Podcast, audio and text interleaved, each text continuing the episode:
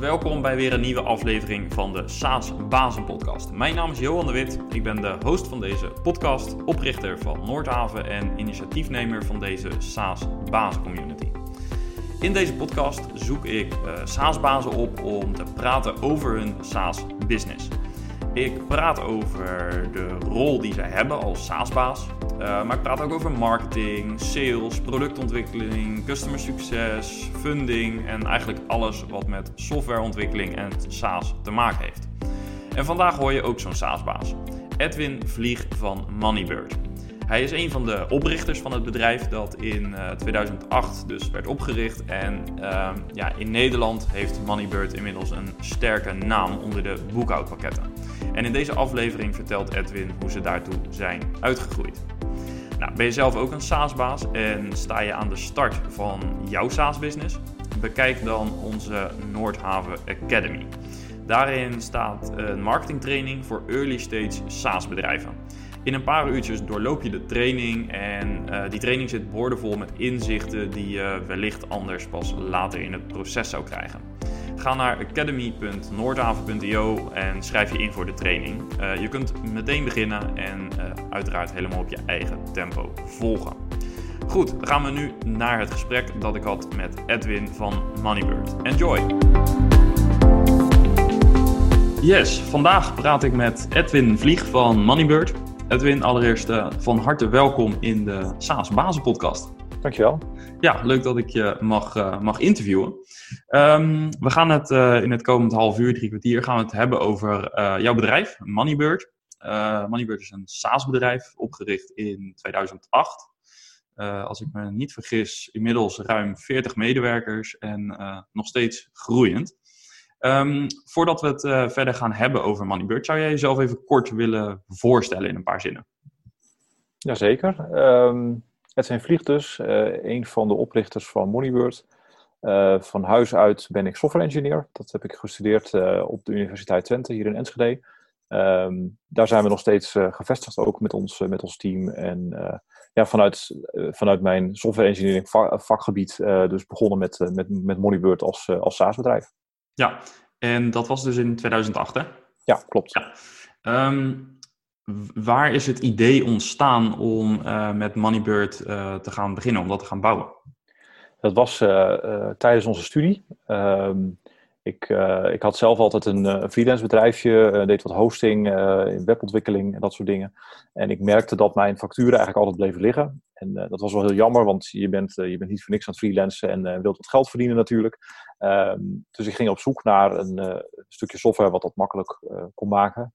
Ik kwam boekhoudpakketten tegen in Nederland die uh, heel goed waren in allerlei cijfertjes. Maar als je een factuur wilde maken, moest je zes keer klikken. En dan had je nog een lelijke pdf, zeg maar. Um, en zag wel dat in Amerika er best wel pakketten succesvol waren met het eenvoudig maken van facturen. en toen dacht ik, nou, dan misschien dan zelf opbouwen. Ik heb daar eerst een eigen versie voor gemaakt, maar dat begon op een gegeven moment te piepen en kraken. En toen uh, werkte ik al met, uh, met mijn compagnons samen, uh, Joost en Berend, met wie ik het bedrijf begonnen ben. En toen kregen we het daar op een gegeven moment over. En toen zeiden we, nou laten we maar eens proberen of we daar een product van kunnen maken. En ja. ja, zo begon het in 2008. Ja, en uh, met die grotere pakketten heb je het dan over bijvoorbeeld de Exact en Unit Force. Uh, meerdere pakketten Klopt. waar een accountant goed mee uit de voeten kan, maar een ZZP'er of een, uh, iemand die een MKB-bedrijf heeft misschien wat minder. Klopt, je, je, werkt als ondernemer vaak niet in een boekhoudpakket. dat was het in ieder geval altijd tot, tot wij daar die markt in gingen. Um, en een factuur maakte je misschien in Word of in Excel. Uh, bij mij ging het dan altijd mis met de factuurnummering en de btw-berekening en al, al, die basale dingen. Dat vond ik zo jammer, want als je dat één keer goed opzet, dan hoeft dat helemaal niet fout te gaan. Ja, en uh, zo is uh, Moneybird dus begonnen. Uh, het helpen van ja, freelancers en een klein MKB, denk ik, hè, met name met ja. administratie. wie zijn nu met name jullie klanten? Eigenlijk nog steeds die groep. Het, het, zit voornamelijk in ZZP, um, de kleine MKB. we zien wel dat bepaalde MKB-bedrijven op een gegeven moment doorgroeien als ze één keer de Moneybird begonnen zijn en hun boekhouding blijft simpel. Dan, dan blijven ze vaak heel lang hangen bij ons. maar dat zit wel voornamelijk in kleine bedrijven. Ja, en zie je dan op bepaalde verticals, bepaalde niches, of maakt dat niet zo heel veel uit? Kan, kunnen het bijvoorbeeld ook handelsbedrijven zijn? Dat kan, ja. We, het is heel breed. Uh, de, van, van, van eh, webontwikkelbureaus tot, uh, tot, tot klusjesbedrijven, tot uh, de, de hulp Sinterklaas rond december zien we altijd langskomen, dat soort dingen. Ehm, en dat, wij, willen ook het liefst zo breed mogelijk zijn. Uiteindelijk, elke ondernemer heeft facturen nodig, heeft een boekhouding nodig, wil btw-aangifte doen. Um, dus het maakt niet zoveel uit in welke branche of sector iemand zit. Uh, het, het, gaat erom uh, dat je je boekhouding wil doen. Um, en ja, dat, dat geldt eigenlijk voor, voor heel ondernemend Nederland. Ja, um, ik hoor je een beetje zeggen dat op dat moment toen jullie starten, dat er misschien nog niet zo heel veel concurrentie was op dit vlak. Hoe is dat nu? Dat is aan het veranderen. we zien dat uh, na een aantal jaar Moneybeurt, wij, misschien goed om eerst te vertellen, wij zijn dus begonnen met het maken van facturen voor klanten. Uh, in de loop van de tijd merkten wij dat klanten meer van ons vroegen. Die wilden ook inkoopfacturen opslaan en die wilden banktransacties inlezen. En uiteindelijk zijn we nu, denk ik een jaartje of vijf, zijn we echt een volledig boekhoudpakket. Daarmee hebben we dus zelf ook andere concurrentie opgezocht. Want als we een facturatiepakket waren gebleven, dan waren we nooit gaan concurreren met de Exact en de Unit 4 en de snelstart van deze wereld. Um, dus die concurrentie is groter geworden omdat we zijn gaan concurreren met die grote pakketten. Um, op een wel op een andere manier, namelijk het is nog steeds de ondernemer die klant bij ons wordt en niet de accountant. Um, dat doen die boekhoudpakketten tegenwoordig zelf ook iets meer. Dus daar, daar uh, zien we wat concurrentie. Maar ik heb niet het idee dat het, dat het nog uh, dat het serieus effect heeft op ons. aan de andere kant zien we wel dat, dat, dat er andere pakketten ook die, die markt ingestapt zijn. Maar vaak zie je daar dat, dat de, omdat wij toch al wat langer meelopen, dat wij net iets meer de wind mee hebben in, in groei en naamsbekendheid. Um, en uh, wij hebben de indruk, zonder dat we, die, dat, dat, we dat heel goed kunnen vergelijken, dat wij een van de grotere in Nederland zijn als het gaat om, om boekhoudpakket voor, uh, voor kleine MKB en, uh, en ZZP. Ja, dus op een heel goed moment ingestapt. Eigenlijk wel, ja. ja. ja. Mooi. Um, als het gaat over uh, jullie uh, verdere ambitie, uh, je hebt nu deze marktpositie hier in Nederland. zijn er dan ook misschien nog internationale ambities of zit er nog voldoende groei in Nederland? Um, sowieso zit er meer dan genoeg groei in Nederland. je ziet dat het aantal ondernemers de laatste jaren fors gegroeid is. Het is natuurlijk even afwachten hoe de coronacrisis daar nu invloed op gaat hebben. Um, maar wij zien eigenlijk nog steeds dat, dat Nederland is echt een ondernemersland. Um, dus daarin, daarin zien we veel groei. Daarnaast is het ook zo dat um, ondernemers die uh, nu starten, zijn vaak ondernemers die meer zoeken naar een oplossing als Moneybird dan als, de als ondernemers die bijvoorbeeld nu stoppen, die toch bijvoorbeeld bij een boekhouder zitten die ze alles laten doen. Uh, dus op die manier zien we gewoon dat er heel veel, uh, uh, heel veel mensen ons nog weten te vinden en dat die groei ook echt enorm is. En die groei is ook de laatste jaren is, is, is 20% plus geweest bij Moneybird. Dat weten we dus al, al sinds, sinds 2008 vol te houden. Um, internationaal is een ambitie geweest. Uh, je denkt heel makkelijk als, uh, als SaaS-baas, om dan even in de naam van je podcast te blijven. Uh, oh, ik heb software, het is schaalbaar, dus Nederland is te klein. hebben wij ook vaak gedacht. Um, maar uiteindelijk komt het er toch wel op neer dat de markt waarin je je beweegt in als SaaS-product heel erg afhankelijk is, um, of heel erg veel invloed heeft op hoe, je, hoe, hoe succesvol je in het buitenland bent. Uh, dus we hebben een tijdje geprobeerd om, om Engelstalig dingen te doen, bijvoorbeeld in de UK of in de US. Uh, we hebben een serieuze poging gedaan om in Duitsland voet aan de grond te krijgen door echt iemand in, in Berlijn te hebben zitten. En we merkten in alle andere markten dat het heel moeilijk is om daar de markt goed te leren kennen, de cultuur te leren kennen. En het blijkt toch dat elke, elk Europees land zelfs al een, net iets andere kijk op boekhouden heeft. Um, waardoor je dus een, een hele, heel veel moeite moet doen om, om goed voet aan de grond te krijgen in die landen. Uh, waardoor misschien de return on investment enorm kan zijn als het wel lukt in een groter land als Nederland. Maar het risico dat dat lukt is, uh, is, ja, is ook enorm. En uh, als je dan risico versus return on investment eh, tegen elkaar wegzet, dan hebben wij op een gegeven moment gezegd, liever dan in Nederland de beste zijn en daar ehm, de kansen pakken met de grote klantenbasis die we hebben, dan heel, heel veel risico opzoeken in, in het buitenland. Ja, want het zat dus eigenlijk in twee dingen, als ik het goed begrijp. Enerzijds is het al lastig om ook uh, cultureel en uh, überhaupt om een naam op te bouwen in een land waar je mm -hmm. dat mhm. nog niet hebt. Maar ten tweede zit je met jullie ook met een product natuurlijk waar uh, mogelijk bepaalde fiscale zaken misschien net iets Klopt. anders liggen. Of financiële data die misschien anders geïnterpreteerd of bekeken wordt. Dus in het product zelf zou dan ook het een en ander moeten gebeuren. Ja, klopt. Ja. ja. ja waar, je, waar je ziet als een pak een projectmanagement tool of een urenregistratie tool, ik noem even wat, die, die kun je één keer bouwen en uitrollen over heel de wereld. wij hebben heel specifiek koppelingen met Nederlandse banken. Nou, tegenwoordig met SEPA is dat iets makkelijker geworden dan Europees gezien. Um, hebben uh, btw-aangiftes in verschillende landen, btw-tarieven in verschillende landen. Uh, maar ook nog een keer bijvoorbeeld uh, factuurstelsel versus kaststelsel. Dat zijn twee verschillende dingen. Um, in Duitsland werkt het alweer heel anders. maar ook de markt in Duitsland bijvoorbeeld hebben alle accountants zich verenigd in een stichting. Um, waar je verplicht bij moet als je accountant wil worden. En die stichting die maakt software voor hun leden. Dus, dus zij concurreren uh, met, met ons en ja, proberen maar eens tussen te komen. Die, die mm. gaan dat niet accepteren. Nee, dan, heb je, dan begin je al met een enorme achterstand. Precies, ja. ja.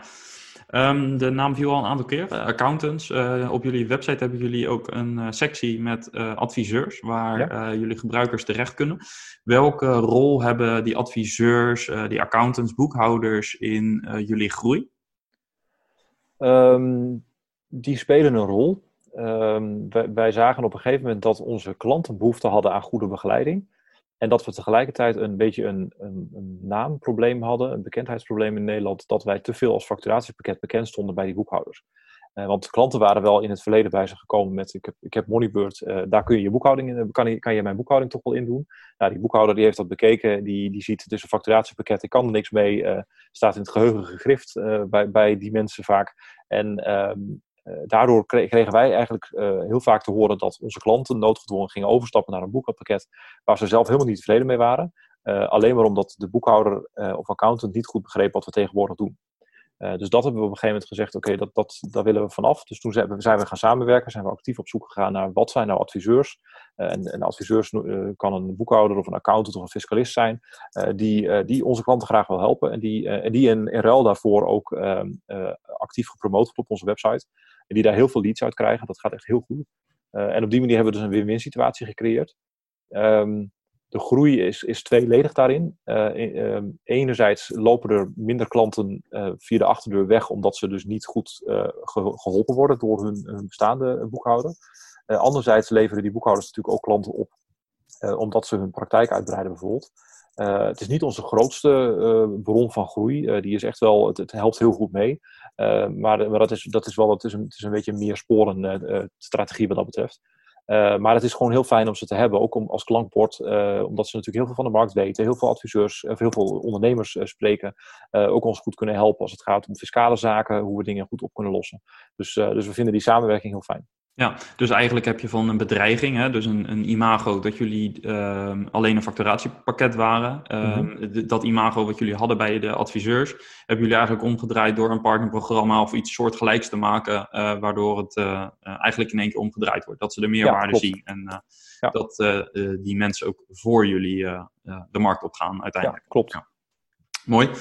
Um, ik heb uh, natuurlijk wat uh, research gedaan. Ik heb wat uh, zaken gelezen over jullie. daarin zie ik ook dat jullie zonder investeerders in staat zijn geweest om te groeien. Dus bootstrap, zeg maar even in de populaire SaaS-termen. Mm -hmm. in heel veel, bij heel veel SaaS-bedrijven lijkt het wel een automatisme om juist zo snel mogelijk naar investeerders te gaan. Um, hoe is het jullie gelukt om dat niet te hoeven doen? Um verschillende redenen. Um, en ik denk overigens niet dat het rocket science is en dat elk bedrijf dat eerst zou moeten doen dan voordat ze investeerders gaan zoeken. Um, we zijn uh, heel pragmatisch begonnen uh, toen, we, toen we in 2008 begonnen met, uh, we konden zelf onze software bouwen. omdat we drie software engineers zijn. Dus daar hadden we behalve de uren geen, geen investering in. Um, we hadden het geluk dat we door wat andere bedrijven die we hadden al een kantoortje hadden en wel een, een beetje webhostingruimte en dat soort dingen.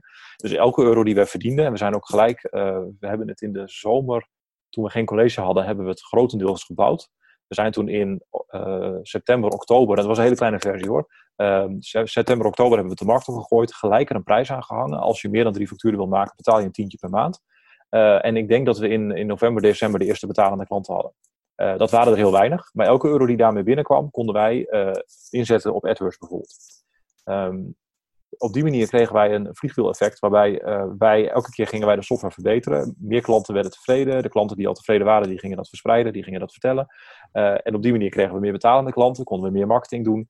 dus na een jaar zaten we op, op de positie dat we, dat we zelf er zelfs wat geld aan overhielden voor onszelf.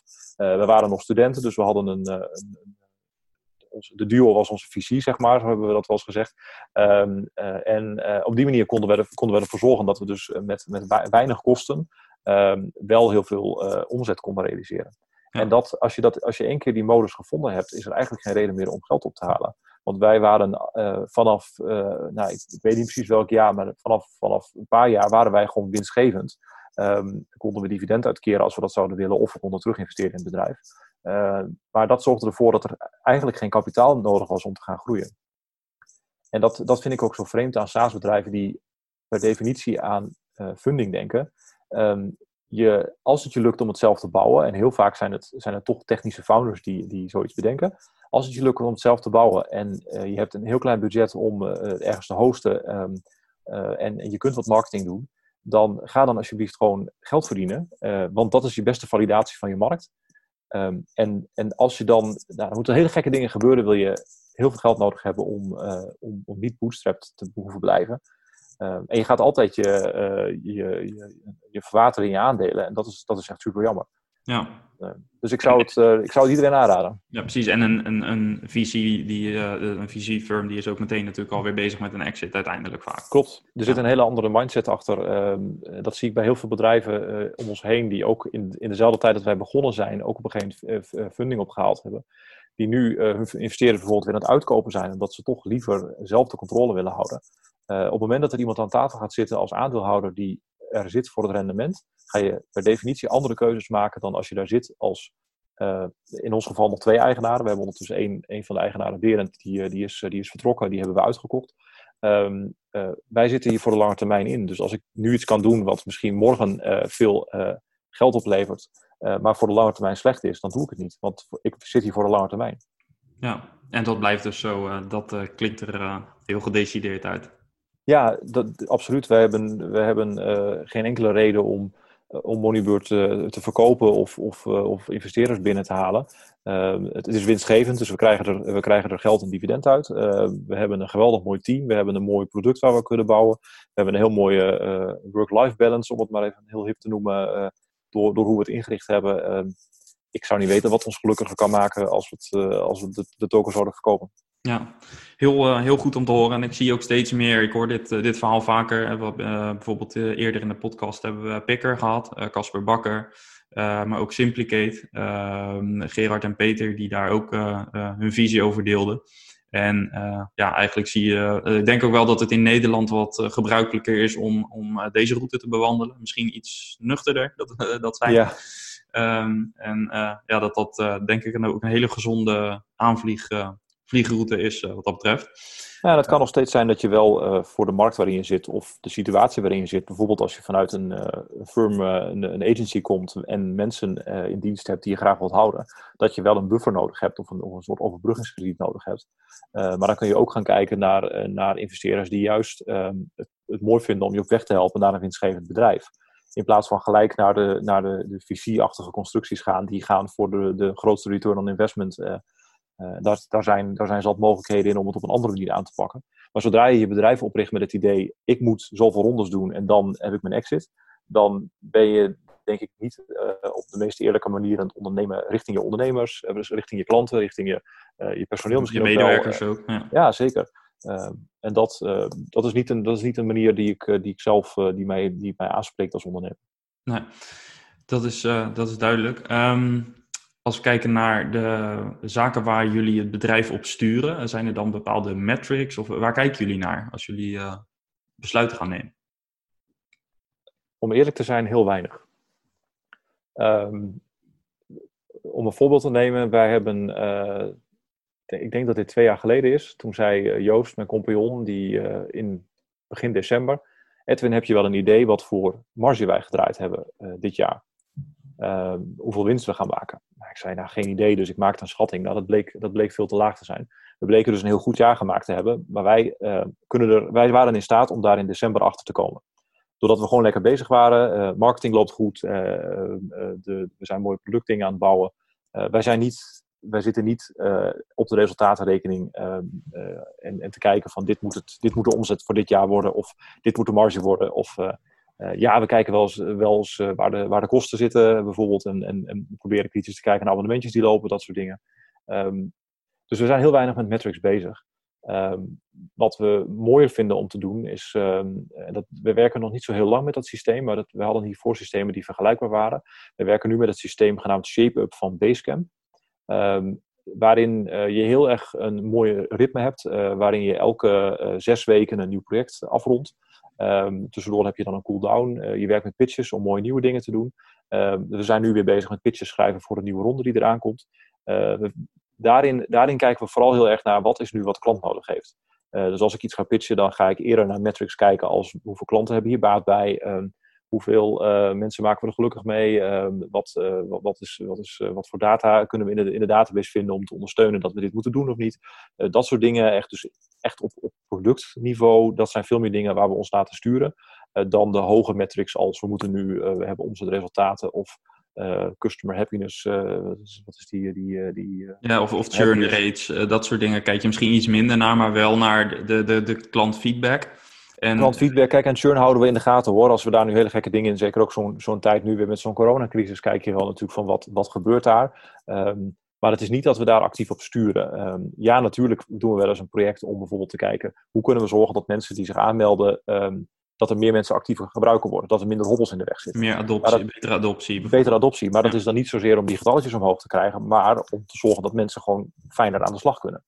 Uh, dus daar zit dan weer veel meer een productgedreven uh, ondertoon in dan een, een, een ondertoon van het moet uh, adoptiegraad, conversies, churn moet omlaag, dat soort dingen. Het zit iets minder op de cijfers, maar meer op wat de klant uiteindelijk ervaart. Ja. Um, en, en daar heb je dan die zeswekelijkse sprints, zeg maar even gemakshalve voor, waarin je ja, vastlegt wat je ongeveer wil doen. Ja. niet te veel deadlines. Um, maar vervolgens wel in die periode van zes weken proberen zoveel mogelijk toegevoegde waarde erin te krijgen. Klopt. Uh, en dat opleveren. Uh, dus jullie kijken ook niet um, uh, een, een, een, jaar of twee, drie, vier vooruit als het gaat om functionaliteit. Als je de lijn van Basecamp volgt. Klopt. Nee, wij, wij, ehm, wij gaan dus nu over, moet ik even goed zeggen, over vier weken begint een nieuwe ronde. minder zelfs, drie weken denk ik. ik zou niet weten wat we gaan doen ik, ik zie leuke dingen langskomen vanuit het team. Er, zijn, er worden leuke pitches geschreven. Ik heb zelf ook een lijstje uh, uh, ergens staan met ideeën die ik heb, die ik wel eens wil gaan uitwerken. Uh, misschien dat ik er nog een op ga pakken volgende week als ik tijd heb. Um, en dan, dan komen daar leuke dingen uit. En dan kiezen we met het team wat we gaan doen. En dat is de volgende stap. Ja. dus als je, als je mij zou vragen waar we over een jaar zouden staan. Ja, daar zitten nog zoveel periodes, projectblokken tussen. Ja, dat kan de andere kant uitgaan. En de klant gaat dat dus ook een beetje bepalen, mede. Ja. Zeker, ja. Klanten, klantfeedback. Uh, ook gewoon ontwikkeling in de markt hoor. Het, kan zomaar zijn dat er een nieuwe. Uh, we hebben bijvoorbeeld we hebben een paar jaar gehad dat we heel graag wilden koppelen met banken. Uh, om, om banktransacties binnen te krijgen. Ja, als de bank nu belt van ik, ik, ik heb een koppeling voor je, dan gaan we liefst morgen nog aan de slag. gelukkig is dat nu redelijk opgelost doordat we, dat we met, met een partner zijn gaan samenwerken. maar dat was wel gewoon iets wat, wat, wat, wat stevige, stevige invloed had op onze, op onze planning. En dat is wel zo. Um, doordat je al zo lang meeloopt uh, als eigenaren, maar ook in het team, hebben we gewoon mensen die al jaren meelopen bij ons, uh, die, uh, die krijgen wel een gevoel met welke kant we op gaan. dat is niet iets wat, wat, wat hier aan de muur hangt, wat voor een heel jaar de waarheid is, zeg maar. Maar we hebben wel met elkaar een gevoel, oké, als we iets kunnen automatiseren, als we ergens tijd kunnen besparen bijvoorbeeld, als we iets beter kunnen, dat is een van onze kernwaarden overigens wel, we willen graag een doordacht, simpel systeem hebben. Als we daarin iets kunnen doen, ja, dan, dan bouwen we dat. Um, maar het is niet zo dat dan gelijk bekend is, dan hebben we de komende uh, zes uh, projecten uh, deze en deze en deze dingen op de, op de roadmap staan. Ja, hoe deden jullie dat hiervoor toen jullie dit systeem, deze werkwijze nog niet hadden geïmplementeerd? Eigenlijk doen we dit al best lang zo, um, maar niet helemaal op deze manier. We hadden eerst een cyclus van drie maanden. En daar kwam ook dan, dat noemen we Big Projects, daar kwam ook echt een Big, big Project voorstel uit, wat we met elkaar bepaalden. En ik denk dat we daar volgens dat systeem wel een jaar of drie, vier gewerkt hebben. Uh, daarvoor was het iets meer ad hoc. En dat kon toen nog omdat we een kleiner team hadden. Uh, maar nu tegenwoordig kunnen wij vier tot vijf projecten naast elkaar draaien met het engineering team dat we hebben hier. Uh, dan, dan lukt het gewoon niet om uh, ad hoc iedereen maar wat te laten doen. En ehm, het grootste risico daarin zit ehm, als je niet een, een fijn ritme gevonden hebt met elkaar van of het nou drie maanden of zes weken is, ehm, dat, ehm, eh, dat iedereen maar wat gaat doen en dat je dus ook niet het gevoel hebt, ik moet als engineer een, een, een eindpunt bereiken. en het eindpunt is dan niet zozeer een, een, een deadline, maar het is veel meer een scope bepalen. Je weet gewoon over zes weken ben ik, is mijn werk klaar. Ik moet elke keer kritisch kijken naar wat kan ik wel doen, wat kan ik niet doen. Ga ik ergens de diepte induiken om de code helemaal perfect gerefactored, allemaal oude code opruimen, et cetera. Ja, dan ga ik het niet halen bijvoorbeeld. Um, en dat, dat, dat soort um, richtlijnen um, en sturing, dat, dat, dat heeft een productontwikkelteam nodig om te zorgen dat je, dat je een goede koers blijft varen met elkaar. Ja. Uh, en het voordeel is, als je, dat, als je afspreekt, het is zes, of drie, zes weken of drie maanden of iets daartussenin, is dat je ook allemaal tegelijk klaar bent. En ja, ook de marketing bijvoorbeeld, dat die ook bij een feature release ook, ja. en, en support of customer succes, hey, we hebben ook de kennisbankartikelen klaar. Ja. Ja. Dan zitten die, die, die draaien dan bij ons bij de, bij de projecten mee. Dus die worden nu ook al, er, worden nu al, er wordt al voorbereid voor lancering. ook al doen we dat misschien pas over een week of twee weken. Al doen we dat overigens nooit in de laatste week, want je wilt nog een week bugs kunnen fixen bijvoorbeeld. Um, maar ook um, wij wisselen, de projectteams wisselen. er, zitten nu, er zijn nu projectteams gevormd rondom projecten. Uh, maar die collega's die, die husselen we straks weer allemaal door elkaar op basis van interesses, wat ze willen leren. Het kan zomaar zijn dat er iemand in, in DevOps gaat of in frontend gaat, terwijl ze dat nu uh, niet gedaan hebben. Um, maar dat lukt alleen maar als je op hetzelfde moment weer nieuwe projecten gaat kiezen en met elkaar weer met een nieuw project begint. Ja. Deze werkwijze, die hanteren jullie nu? Hoe lang? Deze van ShapeUp sinds, um, wat zal het zijn? September, oktober vorig jaar, denk ik. Ja. Okay. Toen is het boek ook ongeveer online gekomen. Het is een heel leuk online boek wat je zo kunt lezen. Dus uh, ja. zeker de moeite waard om even te zoeken. Ja, ik zal een link in de show notes uh, daar naartoe uh, plaatsen. Um, jullie development, um, dat is voornamelijk in Nederland volgens mij, of helemaal in Nederland. Ik zag heel veel Nederlandse namen en ik wil niet discrimineren, maar volgens mij zitten ze allemaal wel in Nederland. Hè? Ja, dat klopt. Ja. ja. Als je Twente Nederland doet, dan. nee, wij hebben uh, het, het, grootste, het grootste voordeel uh, uh, van Enschede is dat we hier twee hele goede opleidingen hebben, zowel HBO als universitair. twee goede IT-opleidingen, um, ook, ook UX zit, zit hier goed vertegenwoordigd. Dus het vinden van personeel is, is, is geen enkel probleem hier. Misschien zelfs beter dan in de Randstad. Dat zou heel goed kunnen, ik kan het niet vergelijken. maar um, dus, dus nee, we hebben echt nooit de behoefte gehad om dat, uh, dat naar het buitenland te halen of, uh, of remote te gaan uh, en zo mensen te vinden. we hebben hier een mooi kantoor in Enschede waar, waar iedereen, tenzij er een lockdown is, graag komt. En, ehm, en waar, we, waar we vooral met, met elkaar samenwerken. Ja, want nu tijdens de lockdown werken jullie wel remote, hè, volgens ja, mij. Zeker. Ja. ja. nu zit iedereen thuis. En dat, daar zijn we overigens ook wel goed op ingericht hoor. Want het, het asynchroon werken is wel de standaard bij ons zoveel mogelijk uh, uh, via, via Slack bijvoorbeeld, uh, bij voorkeur nog via Fabricator, ons, ons projectmanagement ticketing systeem. Um, en ja, de projectteams hebben natuurlijk onderling meer contact, omdat ze gewoon intensief samenwerken. Datzelfde geldt voor het supportteam en het marketingteam. Um, maar, maar in principe was het voor ons niet zo'n hele grote overschakeling. Behalve dat we elkaar niet meer zagen en het sociale aspect wat we moesten opzoeken meer, was het niet zo'n hele grote omschakeling om, om helemaal op afstand te gaan. Ja, wat doen jullie daarvoor om het sociale aspect een beetje, toch een beetje erin te houden? Um, uh, wisselend, uh, meer social calls doen. gewoon even mensen, mensen bellen, even, even een Slack call doen. we doen spelletjes tijdens de vrijdagmiddagborrel. Um, volgens mij gaan we komende vrijdag gaan we een pubquiz doen met elkaar op, op afstand. Um, af en toe gooien wij er een keer een lunch in. Dan mag iedereen even naar de lokale broodjeszaak om een lunch te scoren, bijvoorbeeld. Gewoon, gewoon, dat soort kleine dingen. Eventjes, eventjes de, het moet even gezellig blijven, zeg maar. Ja, gaaf. Dan nog even over jouw rol. Um, je bent natuurlijk begonnen als een start-up en, en inmiddels nou ja, over de 40 medewerkers. Um, wat uh, zijn jouw grootste lessen in jouw rol als, als oprichter geweest in die afgelopen jaren? En wat zou je misschien anders hebben gedaan? Oei, dat is altijd een moeilijke vraag. Je rol verandert heel erg. Um, gedurende al die jaren. Ik, ik, ben echt begonnen als software engineer. Ik heb daar als, als software engineer extreem veel geleerd over hoe je software moet schrijven en hoe je samenwerkt. En dan komen er collega's bij die, uh, die, ze zeggen altijd, je moet mensen aannemen die slimmer dan jou zijn. Nou, dat, dat, dat is goed gelukt. Uh, dus die, als je dan een, een, code review terugkrijgt, dan, dan denk je wel eens, goh, dat, dat, dat, is wel, dat is wel mooie code die ze ervan gemaakt hebben, zeg maar. Um, dus ja, daarin leer je continu. Ik, ik ben niet zo, zozeer iemand die zegt, ik had iets anders moeten doen. Ik was er op dat moment zelf bij. Ehm, en dus ik, ik neem dat liever mee als, als lering voor de volgende keer. Ehm, en, en wat zijn dan dingen die ik anders zou gedaan hebben of die, die we nu anders doen dan eerst?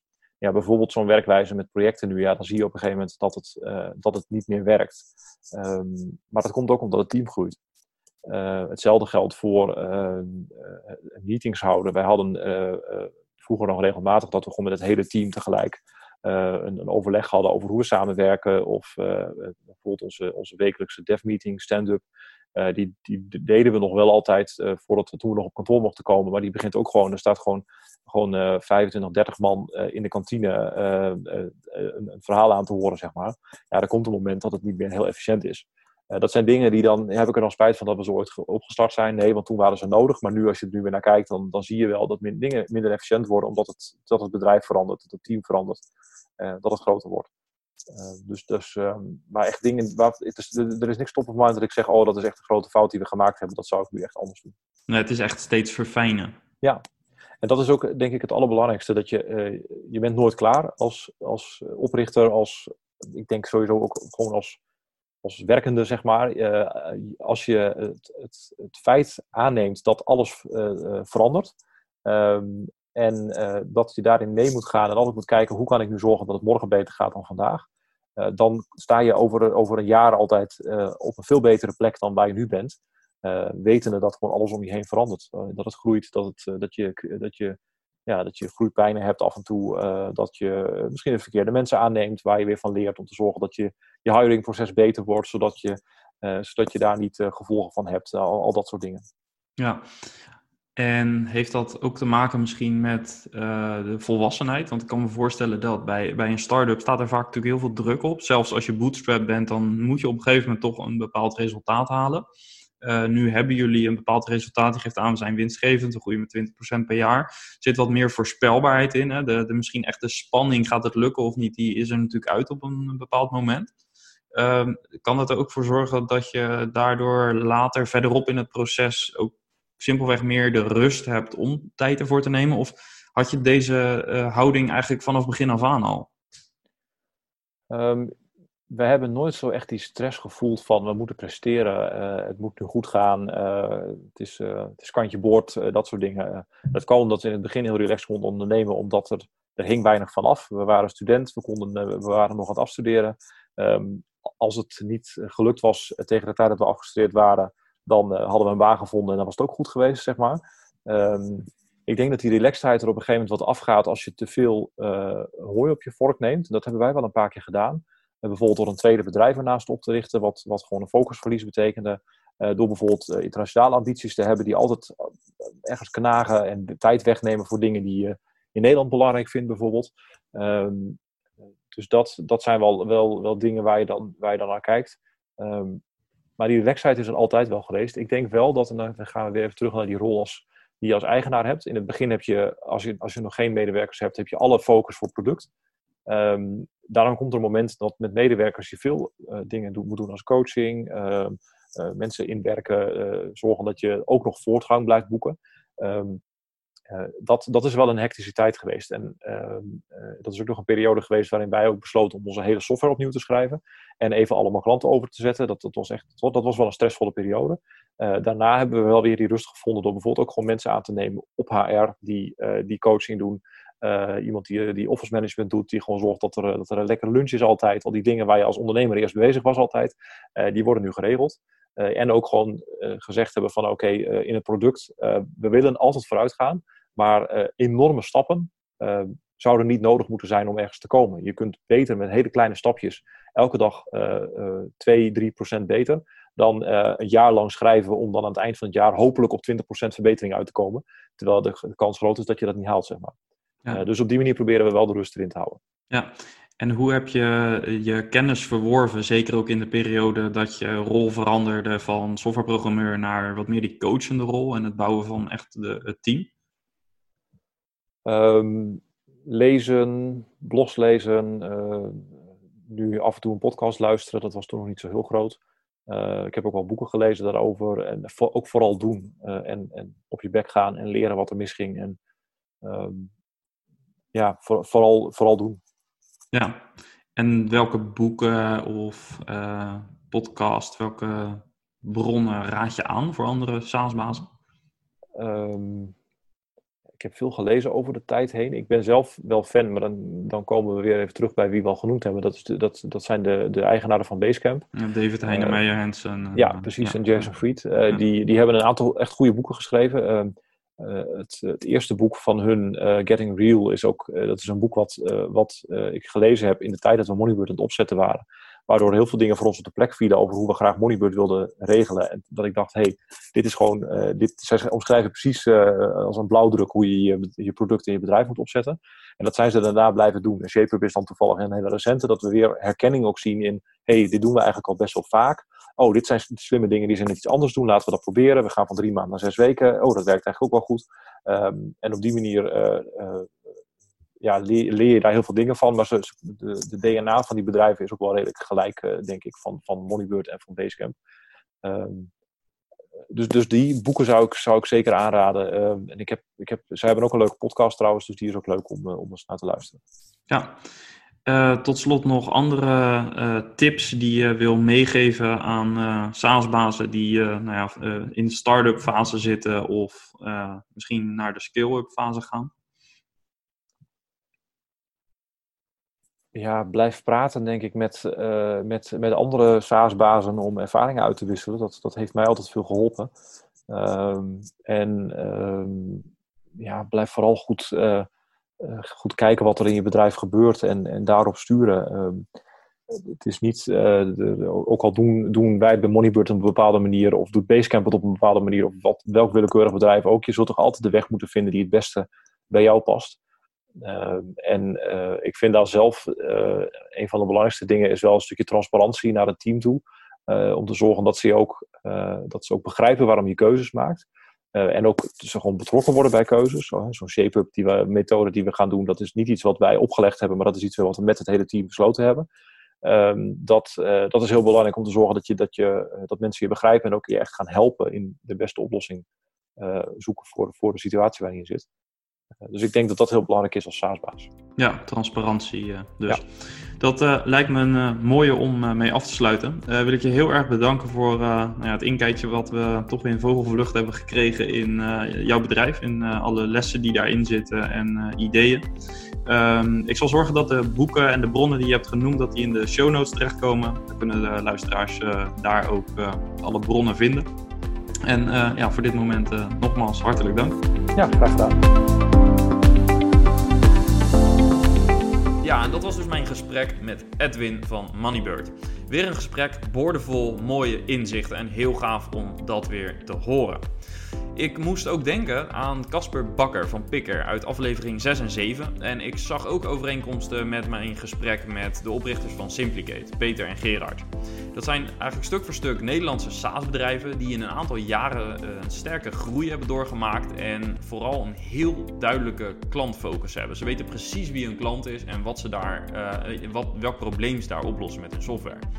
Ik, ik praat ook veel met startups die uh, ja, soms met hele fancy tools bezig zijn en de meest interessante en uitgetekende funnels op papier hebben en uh, fantastische customer journeys hebben uitgewerkt.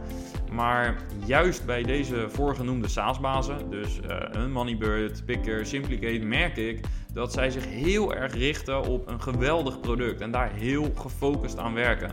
Weten welk probleem je oplost uh, op welke manier jouw software daaraan bijdraagt en steeds die software ietsjes beter maken.